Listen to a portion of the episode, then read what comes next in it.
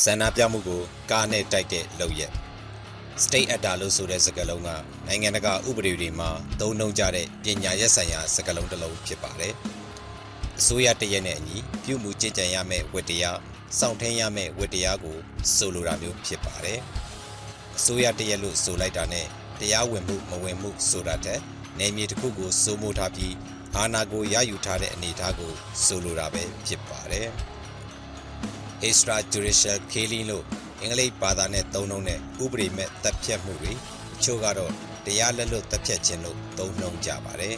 ။တရားဥပဒေစိုးမိုးရေးမှာဘာဖွဲ့စည်းမှုစီမင်းစည်းကမ်းမှလိုက်နာစရာမလိုတဲ့လူမိုက်လက်မယွန်းတွေကိုခိုင်းစေတာမျိုးတွေရဲရွာအေဂျင့်တည်ငြိမ်မှုကိုပြပြအောင်တမင်တကာငွေကြေးလို့မဟုတ်လုတ်ပိုင်ခွင့်ပေးပြီးလူရဲမှုတပ်ဖြတ်မှုရိုက်နှက်မှုတွေကိုကျူးလွန်အောင်စေခိုင်းတာ ခွင့်ပြုတာတွေကိုအစိုးရလို့သူတို့ကိုသူတို့ခေါ်သူတွေပဲဖြစ်ပါစေကျူးလွန်ခြင်းမပြုဖို့နိုင်ငံတကာဥပဒေတွေမှာပါရှိကြတာဖြစ်ပါတယ်ဒီနေ့ဒီဇင်ဘာ9ရက်နေ့မနက်ပိုင်းကရန်ကုန်မြို့ကြည့်မြင်နိုင်မှာဆန္ဒပြကြတဲ့သူတွေကိုစစ်တပ်ကကားနဲ့တိုက်ဖက်တဲ့အဖြစ်ပြက်ဖြစ်ပျက်ခဲ့ပါတယ်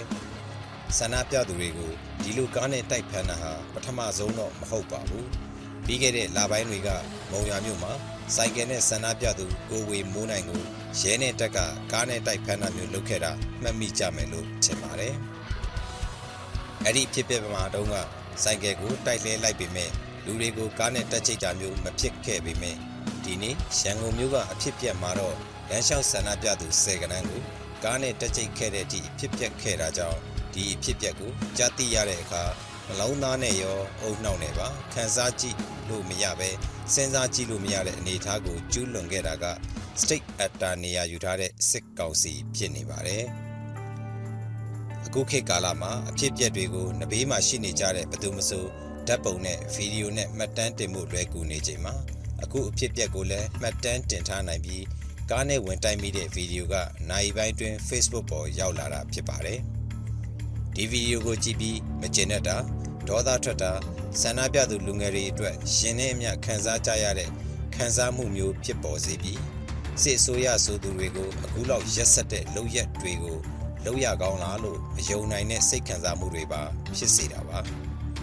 လူလူတွေကအချို့ကလည်းအခုချိန်မှာဆန္ဒပြမှုတွေကအချိန်နေနဲ့လျော်ညီတဲ့တိုက်ပွဲပုံစံမဟုတ်တော့ဘူးလို့ယူဆမှုတွေလည်းရှိနေကြတာကိုလည်းကြားသိရပါတယ် လက်နက်အင်အားသုံးဥပဒေဆိုတာကိုပြစ်ပယ်ထားပြီးအတိုက်ခံပြုသူမှန်သမျှဥပဒေမဲ့နှိမ်နှင်းနှိပ်ကွနေတဲ့စစ်ကောင်စီကိုလက်နက်မဲ့ငြင်းညမ်းစွာဆန္ဒပြတာတွေလုပ်လို့မထိရောက်တော့ဘူးလို့ထင်မြင်ကြတာလည်းဖြစ်ပါတယ်။အခုလိုလက်နက်ကင်တပ်ဖွဲ့တွေကလက်နက်အားကိုအကုန်လုံးပိတ်ပင်ဖြိုခွဲနေချိန်မှာငြင်းညမ်းစွာဆန္ဒပြတာမျိုးကအန္တရာယ်များပြီးဒီနီလန်းကိုမတုံးသင့်တော့ဘူးလို့ယူဆကြတာဖြစ်ပါတယ်။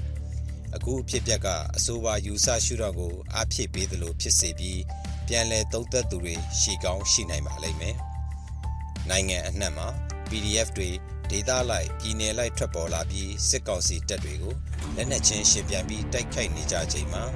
မြို့ပေါ်ကအင်အားစုအနေနဲ့အာဏာသိမ်းစစ်တပ်ကိုဖိအားပေးဖို့စန့်ကျင်ကြောင်းပြသနေဖို့လိုအပ်တဲ့ရှုထောင့်လည်းရှိနေတာကြောင့်ဆန္ဒပြမှုတွေကရန်ကုန်မန္တလေး မုံရွာစရှိတဲ့မြို့တွေမှာဆက်လက်ထွက်ပေါ်နေတာလည်းဖြစ်ပါတယ်။သို့ပေမဲ့ရက်စက်တဲ့စစ်ကောင်စီတွေရဲ့လုပ်ပုံကိုင်ပုံဘာဥပဒေလှုပ်ထုံးလုံနည်းကိုမှလိုက်နာခြင်းမရှိဘဲအတိုက်ခံလုပ်သူတွေကိုဖြိုခွဲဖို့နဲ့တပ်ဖို့သာရွေးချယ်လှုပ်ဆောင်နေတဲ့စစ်ကောင်စီနဲ့ရှင်ရမှာမိမိတို့ဘက်ကလည်းအကြဆုံးနေဖို့ကိုသုံးသက်တဲ့တယ်လို့ထင်ပါတယ်။ဒီနေ့အဖြစ်ပျက်တွေလည်းအများစုစိတ်ဝင်စားကြတဲ့အကြောင်းအရာနှစ်ခုရှိနေပါတယ်။ ကြည်မနိုင်ပန်းမင်ကြီးလမ်းမှာဆန္ဒပြသူကိုကားနဲ့တိုက်တဲ့အဖြစ်အပျက်နဲ့နောက်တစ်ခုကစစ်ကောင်စီကောင်းဆောင်မင်းအောင်လှိုင်က NLD နိုင်ကသူရဦးတင်ဦးကိုနေအိမ်မှာတွားရောက်တွေ့ဆုံတဲ့တဲ့င်းဖြစ်ပါတယ်။ဒီဇင်ဘာလဆန်းကအစာဆူတော်နေ့လို့အခါသမယဖြစ်ပြီးစာပေနယ်ကတက်ကြီးပူဇော်ပွဲလိုမျိုးကျင်းပလေးရှိတဲ့အချိန်ခါမှာစာပေနယ်လည်းတက်ဆိုင်ခြင်းမရှိတဲ့သူနိုင်ငံရေးနယ်ပယ်ကသူတွေရဲ့ တက်ကအငိမ့်စားဗိုလ်ချုပ်ကြီးနှစ်ဦးနဲ့ဂီတနယ်ပယ်ကအသက်အရွယ်ကြီးဆုံးလို့ဆိုရမယ်ဗိုလ်ကလေးတစ်အောင်ကိုစစ်ကောင်စီကောင်းဆောင်ကလူမှုရေးအရာတွားရောက်တွေ့ဆုံတာကမိကုန်းတွေထွက်ပေါ်စေပါတယ်။သူရဦးတင်ဦးဟာကျမ်းမာရေးမကောင်းတော့ပဲပါတီကိစ္စရက်တွေမှာဝင်ရောက်ဆောင်ရွက်နိုင်ခြင်းမပြုတော့တာနှစ်နဲ့ချီရှိနေပြီဖြစ်တယ်လို့စကားကောင်းကောင်းမပြောနိုင်တဲ့ကျမ်းမာရေးအခြေအနေမှာရှိပါတယ်။ နောက်တစ်ယောက်ဖြစ်တဲ့ဗိုလ်ချုပ်ကြီးဟောင်းခင်ညွန့်ကိုသွားတွေ့ဆုံတာလဲထူးဆန်းပါတယ်။တက်နဲ့ပြဿနာဖြစ်ထားသူတယောက်ကိုသွားတွေ့ပြီးစစ်ကောင်စီကောင်းဆောင်ကိုတက်ချုပ်ရာထူးပေးခဲ့တဲ့ဦးတန်းရွှေနဲ့အဲ့ဒီအချိန်ကဒုတိယ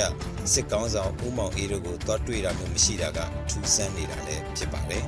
။ဒီလိုတွေ့ဆုံမှုသတင်းထုတ်ပြန်တာတွေကစစ်ကောင်စီဥက္ကဋ္ဌဖြစ်သူမင်းအောင်လှိုင်ရဲ့မပြတ်သားတဲ့စိတ်နေစိတ်ထား အားလုံးနဲ့အဆင်ပြေပါတယ်ဆိုတာမျိုးကိုပြသခြင်းနဲ့စိတ်ကူးစိတ်တမ်းလို့အကဲခတ်ကောက်ချက်ချမိပါတယ်လို့ရေးသားထားပါတယ်ခင်ဗျာ။